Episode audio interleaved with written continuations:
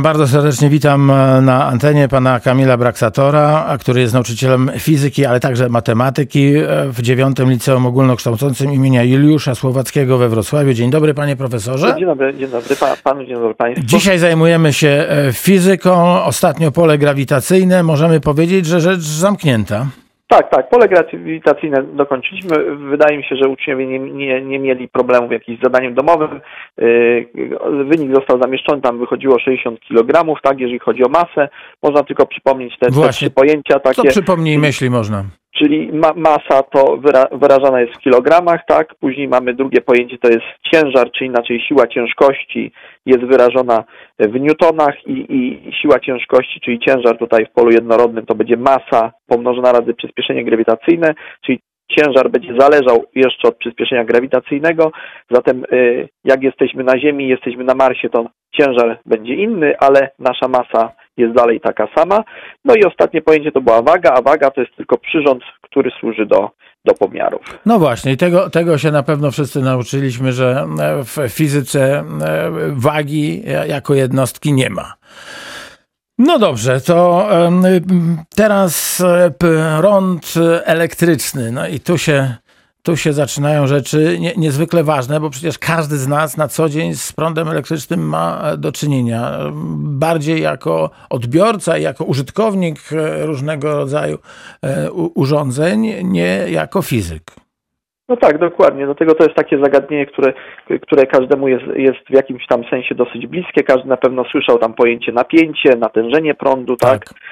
Jednostki amper, volt, tak? Jednostką natężenia prądu jest oczywiście amper, jednostką napięcia jest volt, tylko tych pojęć też nie, nie można mylić, czyli natężenie, natężenie prądu to nie jest to samo co na, napięcie, tak? Natężenie prądu to jest po prostu ładunek przepływający w konkretnym czasie, tak? Czyli to jest ładunek podzielony przez czas, w jakim ten ładunek przepłynął. I te to, dwie wielkości mogą być różne. Tak, tak, oczywiście, bo to zupełnie mają inne. One łączą się w zasadzie w jednym wzorku, takim jest tak zwane prawo Ohma, które nam mówi, że natężenie prądu jest wprost proporcjonalny do przyłożonego napięcia na końcach przewodnika, tak? A tym współczynnikiem proporcjonalności jest tutaj odwrotność oporu, oporu czyli tak zwana przewodność, tak? Bo tam jeszcze będziemy mówić y, o oporze. No i y, tu przygotowałem ta, takich pięć zadanek, y, one pewnie tam się pojawią niedługo na, na, na stronie. Pierwsze Radiowroclaw.pl, tak. tak, na tej stronie. Pierwsze zadanko y, wygląda w ten sposób, że mamy y, kontakt z nieizolowanym przewodem y, nadpowietrznej sieci energetycznej jest dla człowieka bardzo niebezpieczny. No to wobec tego pytanie, dlaczego więc prąd elektryczny nie poraża ptaków siedzących na, na, na tych przewodach? A wie pan profesor, że wielokrotnie się nad tym zastanawiałem? E, no właśnie, Dlaczego jak przejeżdżamy przez, e, przez na przykład przejazd e, kolejowy, to tam baczność, przewody pod napięciem, no, dotknięcie grozi śmiercią. A obok siedzi 38 tysięcy jaskółek i nie czytają tego i jakoś im to śmiercią nie grozi. No właśnie, i to jest tak, że no człowiek, gdy dotknie takiego przewodu, no to popłynie y, przez niego y, prąd o dosyć dużym y, natężeniu. Prze przeważnie ten człowiek jest połączony tutaj również z Ziemią, tak? Czyli jak, jakby na przykład, jak jest połączony z Ziemią, no to ten, ten natężenie prądu jest jeszcze wtedy większe. To zależy jeszcze też od materiałów, które są na, na drodze tego oczywiście prądu, bo każdy materiał ma, ma swój opór, no i od napięcia tego elektrycznego, jakie tam panuje, ale przeważnie dla człowieka właśnie jest to niebezpieczne. Natomiast pytanie jest takie, y, y, jak to jest z tymi ptakami? No to ptak taki siedzący na przewodzie pod napięciem y, nie jest połączone przede wszystkim z Ziemią, tak? Więc y, nie, tu już z tego faktu wynika, że nie przepływa przez niego prąd o dużym natężeniu, ale jeszcze w sensie elektrycznym można takiego ptaka potraktować jako opór połączony równolegle do tego przewodu. Czyli on ma tam dwie nóżki, tak? Momenty łączenia to jest właśnie jedna nóżka i druga nóżka. Mhm. Rozstaw tych nóżek nie jest, nie jest zbyt duży, tak? To, to oznacza, że ten kawałek przewodnika między tymi nóżkami, gdzie on tam się styka, nie, nie, nie jest e, zbyt długi. No i teraz prąd, który płynie, no to część może tego prądu, te, tego ładunku przepłynąć przez y, ptaka, a część właśnie y, przepływa przez ten y, kawałek przewodu. No i teraz jak popatrzymy, to ptak y, ma dosyć duży opór w stosunku do tego krótkiego odcinka tego przewodu. Zatem y, przez ptaka przepłynie bardzo mały prąd i praktycznie nic, nic ten prąd dla, dla niego nie jest groźny, on tego tak nie odczuje. Natomiast większość tego ładunku przepłynie właśnie tam przez ten przewód między tymi nóżkami, tak? Stąd jeżeli opór ciała ptaka jest wielokrotnie większy od, od oporu odcinka przewodu między tymi nóżkami, no to dzieje się tak, że ptak sobie spokojnie może siedzieć na takim przewodzie i, i, i nic, nic się tutaj mu nie stanie. My lepiej, żebyśmy tak, czegoś takiego nie, nie, nie próbowali. Ja, ja przepraszam panie profesor, bo ja zapomniałem o dzwonku, że my mamy te naukę, więc teraz ten dzwonek jest, żeby wszystko było legalne. Ale dobrze, to jedno takie może wariackie spostrzeżenie, ale gdybyśmy potrafili latać, my ludzie, i e, złapalibyśmy się bardzo blisko rękoma tego przewodu, to byłaby taka sama sytuacja jak w przypadku ptaków? No nie, tutaj, tutaj jest ptak ma inną budowę biologiczną też, też jak człowiek i, i tutaj lepiej, żeby, żeby, y, żebyśmy my te, takich eksperymentów nie przeprowadzali. Tak? Tutaj też kwestia masy pewnie, tak? Tak, tak no to wszystko, wszystko tutaj. Okay, czyli, tutaj czyli nie ma takiej sytuacji, w której możemy bezpiecznie dotknąć przewodu y, pod napięciem. Tak, przy przewodach, przy przewodach po, po prostu powinniśmy zachować, tak, takie jest jak są tam y, często na, na tabliczkach, są jakieś informacje dodatkowe, tak, czyli po, powinniśmy tak postępować, a, a, a nie, nie eksperymentować tutaj, tak? No ale o, oczywiście każdy może sobie tam wyobrażać różne takie właśnie, y, co by było, gdyby y, złapał się na przykład samymi rękami, nie był połączony y, z ziemią, tak, ale mówię, tutaj, tutaj jeżeli chodzi o, bo to te, też mamy przewody wysokiego napięcia, tak, czy, czy te przewody różnie mogą. Pamiętamy też o tym, że woda zanieczyszczona, czyli też przewodzi, tak, czyli mhm. tutaj trzeba uważać, jak jakiś przewód, powiedzmy, E, jest zerwany i, i e, gdzieś mamy jakieś kałuże czy, czy, czy, czy jakieś tam, e, jakąś wodę, no to tutaj też, też, też należy, należy uważać, bo taka woda też będzie przewodzić, tak? Woda destylowana to nie przewodzi. Czyli musimy, musimy uważać i żadnych, żadnych eksperymentów z jakimkolwiek tak, tak. prądem płynącym, gdziekolwiek my nie przeprowadzamy na własną rękę. To można robić w laboratoriach, a ptaki niech sobie siadają gdzie chcą. Dobrze. Dokładnie. To mamy pierwsze, pierwsze zadanie z ostrzeżeniem, e, drugie zadanie. Drugie zadanko e, jest zadaniem dosyć prostym, e, ale dosyć istotnym, dlatego że pytanie jest takie, bardzo proste. Ile jouli zawiera jedno, jedna kilowatogodzina? I często na egzaminie maturalnym pojawiają się różnego rodzaju jednostki, czyli nie tylko takie, jak my jesteśmy tam przyzwyczajeni, powiedzmy jednostka energii joule, tak, czy e, jednostka siły Newton, e, czy jednostka na przykład pojemności e, Coulomb. Mogą pojawić się różne jednostki, tak na przykład w zadaniu piątym pojawi się amperogodzina, tak? No i przede wszystkim tu uczniowie powinni wiedzieć, czego to jest jednostka, czy jak usłyszą jednostkę 1 kWh, to akurat ja w zadaniu powiedziałem, że to jest joule, czyli to jest jednostka energii, tak? Ale teraz na przykład powinni też potrafić przeliczyć to na, na te takie jednostki, którymi się częściej posługujemy, czyli w tym przypadku na joule. No i teraz jak zobaczymy, e, ten zapis, jedno kilowatogodzina, no to mhm. tak, po, po pierwsze kilo, no to jak to tysiąc, tak. To Dokładnie, czyli, czyli wystarczy, że zamiast e, tego kilo wstawimy sobie tysiąc, tak? Teraz mamy tam wat razy godzina, no to yy, godzina, no to wi wiadomo, że jednostką podstawową czasu jest sekunda, tak? No to mhm. tutaj, tutaj zamiast godziny to można zamienić to na sekundy. Yy, każda godzina ma 60 minut, każda E, minuta 60 sekund, czyli 60 razy 60 to da 3600 sekund. Tak jest. Zatem możemy zapisać, że to jest ten 1000 razy 3600 i już mamy watosekund. No i teraz uczeń musi pomyśleć, a co to jest takiego ten wat razy sekunda? Mhm. No i teraz jak popatrzymy tak, no to yy, moc ogólnie to jest praca przez czas, czyli wykonana praca yy, przez czas, w jakim ona została wykonana, czyli iloraz pracy i czasu. No to jak przekształcimy sobie ten wzór, to W równa się, czyli praca, moc razy czas, tak? No i mhm. jednostką y, mocy no jest wat. Jednostką czasu jest sekunda. Wat razy sekunda został nazwany właśnie joulem, tak? Bo to jest jednostka pracy. I tutaj uczniowie już wiedzą, że tak naprawdę już przeliczyli. Czyli wynik to wychodzi 3,6 razy 10 do 6 joule, jakbyśmy w notacji wykładniczej chcieli pokazać. Czyli y, czasami jest tak, że nawet już mamy, że to jest wat razy sekunda, ale uczeń jeszcze musi wiedzieć, że wat razy sekunda to jest po prostu joule, tak? A to wynika właśnie z tego wzorku, który, który podałem, że moc która jest podawana oczywiście w watach, to jest praca przez, przez czas. czas. Praca to jest joule, czas sekunda. Czyli moc razy czas. Dokładnie, czyli, czyli już mamy praktycznie zadanko zrobione i do dalszych obliczeń już bardzo często stosujemy tą liczbę nie właśnie w kilowatogodzinach, ale, ale, y, ale w dżulach. No a tutaj, tutaj jeżeli byśmy to przemnożyli, to mamy 3 miliony 600 dżuli. Tak, tak, tak, tak. tak. To strasznie wielka liczba nam wyszła.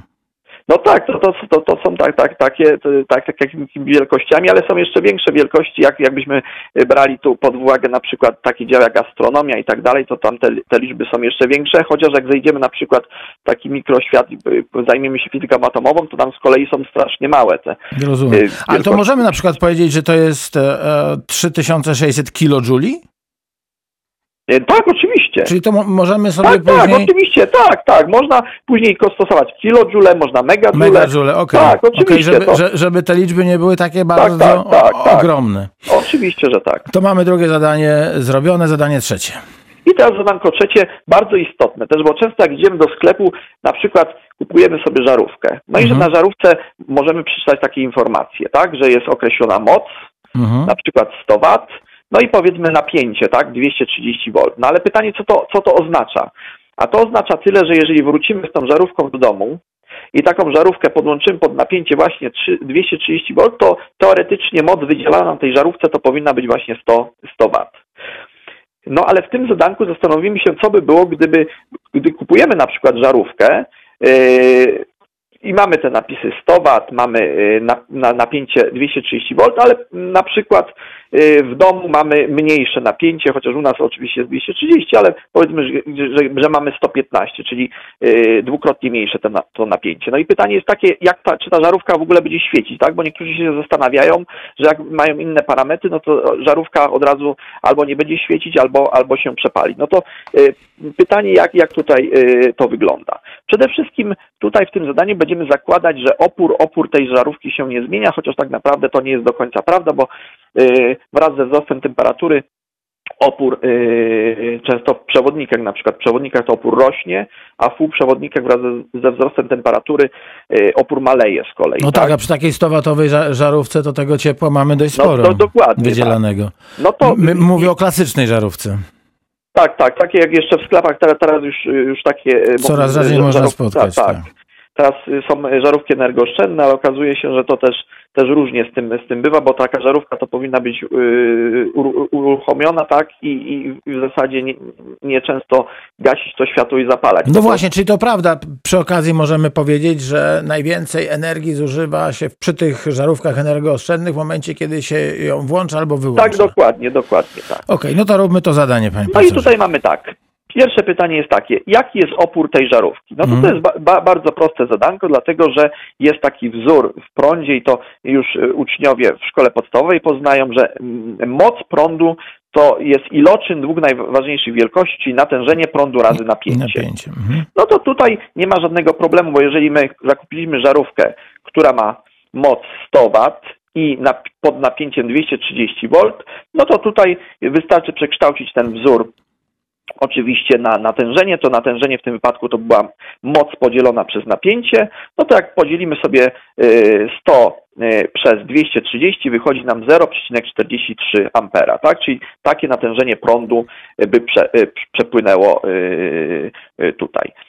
Natomiast po, podpunkt B jest, to, to znaczy to już jest podpunkt, tak, bo mm, tak, B, B, B. Tak, teraz B, teraz B. O oporze będziemy rozmawiać. Tak, teraz Teraz jaki jest opór tej żarówki? No to y, też bardzo proste, y, proste zadanko, dlatego że y, tutaj w tym wypadku skorzystamy z prawa OMA, o którym ja już dzisiaj troszkę mówiłem o tym wzorku. Prawo OMA nam mówi, że natężenie prądu jest wprost proporcjonalne do przełożonego napięcia, czyli jak y, urośnie, no to i, i również, a y, w prawie OMA opór ma być stały, tak? Czyli zakładamy tutaj stałość oporu y, i wzór wygląda tak, że I równa się U przez R, tak? Czyli natężenie prądu to jest napięcie podzielone przez opór. No to znowu przekształcamy bardzo, prosto ten, ten, ten wzorek. Można tutaj, jak już policzyliśmy sobie natężenie prądu, to można skorzystać, że mamy I, i, i mamy U i wtedy R bardzo łatwo obliczyć, ale co się okazuje?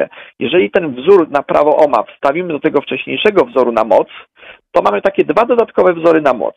Bo jeżeli teraz tak, jak, jak moc prądu to było natężenie razy napięcie, Mhm. no i za, teraz zamiast natężenia wstawimy to U przez R, czyli to sprawa OMA, że natężenie to jest U przez R, to mamy kolejny wzór, że mamy napięcie do kwadratu przez R. I teraz w, y, wyraźnie widzimy, że żeby obliczyć moc, to wcale nie potrzebowaliśmy natężenia prądu, tylko wystarczyło na przykład, jakbyśmy znali napięcie i opór, tak?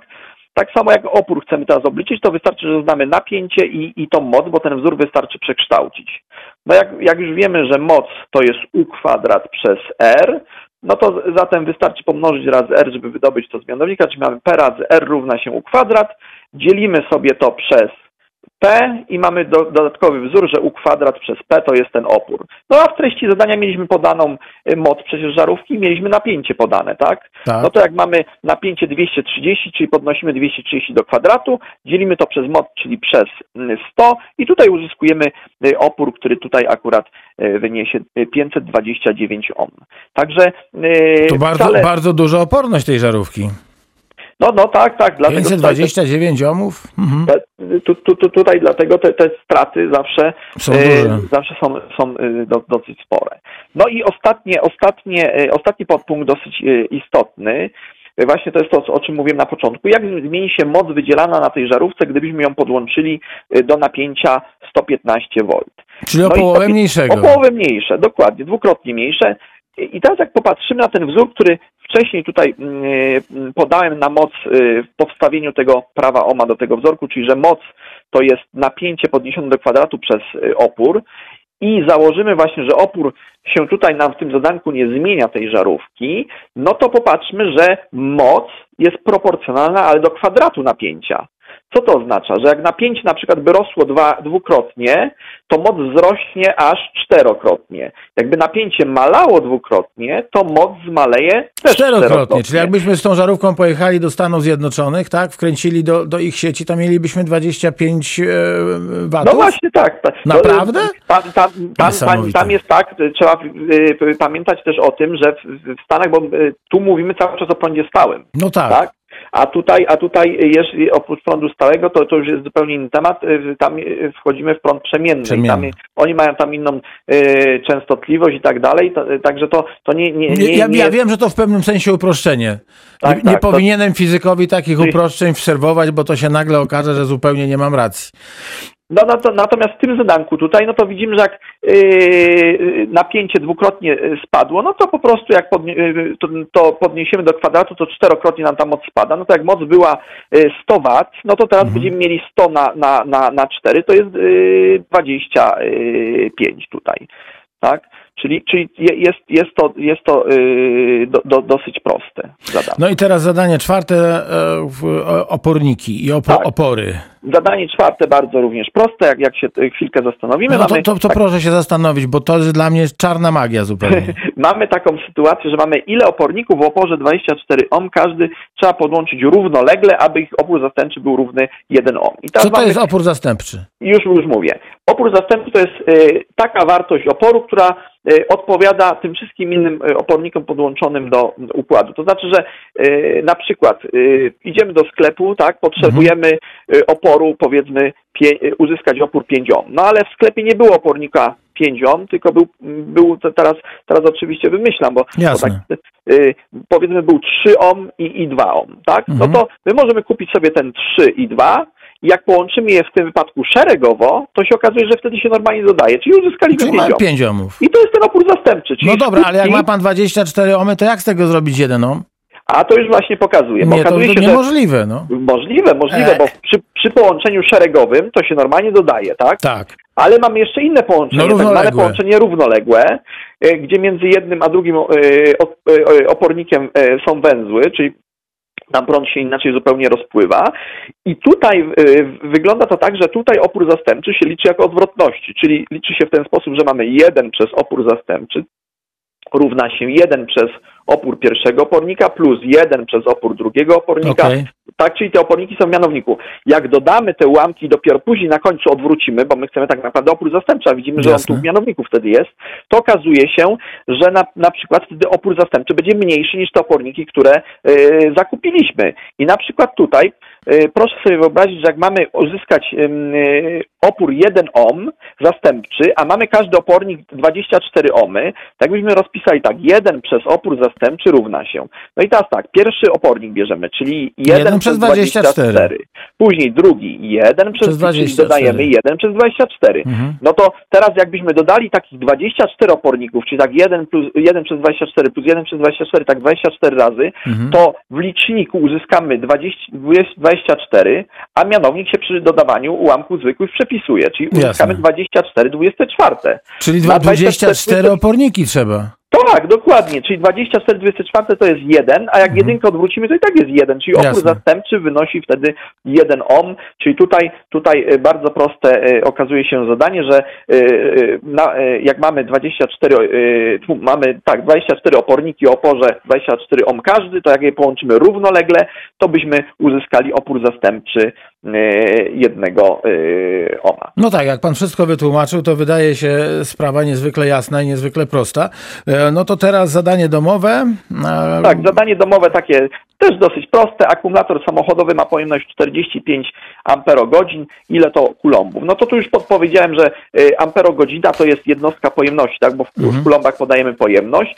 No i teraz tutaj druga taka mm, podpowiedź do tego mm, zadania jest taka, że na, natężeniem prądu nazywamy właśnie iloraz y, ładunku przepływającego przez poprzeczny przekrój, tak, a ładunek właśnie w kulombach się podaje y, przez czas, w jakim to nastąpiło, czyli do czasu, w którym to nastąpiło, czyli Q przez T, Y, czyli I jako natężenie prądu mamy w amperach, Q czyli ładunek w plombach, a czas w sekundach, tak? No i na podstawie tego można spokojnie tutaj, bo każdy chyba wie, y, y, że tu mamy amperogodzina, no to amper to jest jednostka natężenia prądu, a godzina to jest jednostka czasu, Czasu. czyli łatwo tą jednostkę można sobie zamienić znowu na co? Na, na, sekundy. sekundy i sprawdzić jaka to była właśnie wielkość i wtedy już uzyskujemy bezpośrednio jednostkę Pa- ładunku. Panie profesorze, bardzo dziękuję. Lekcja fizyki za nami.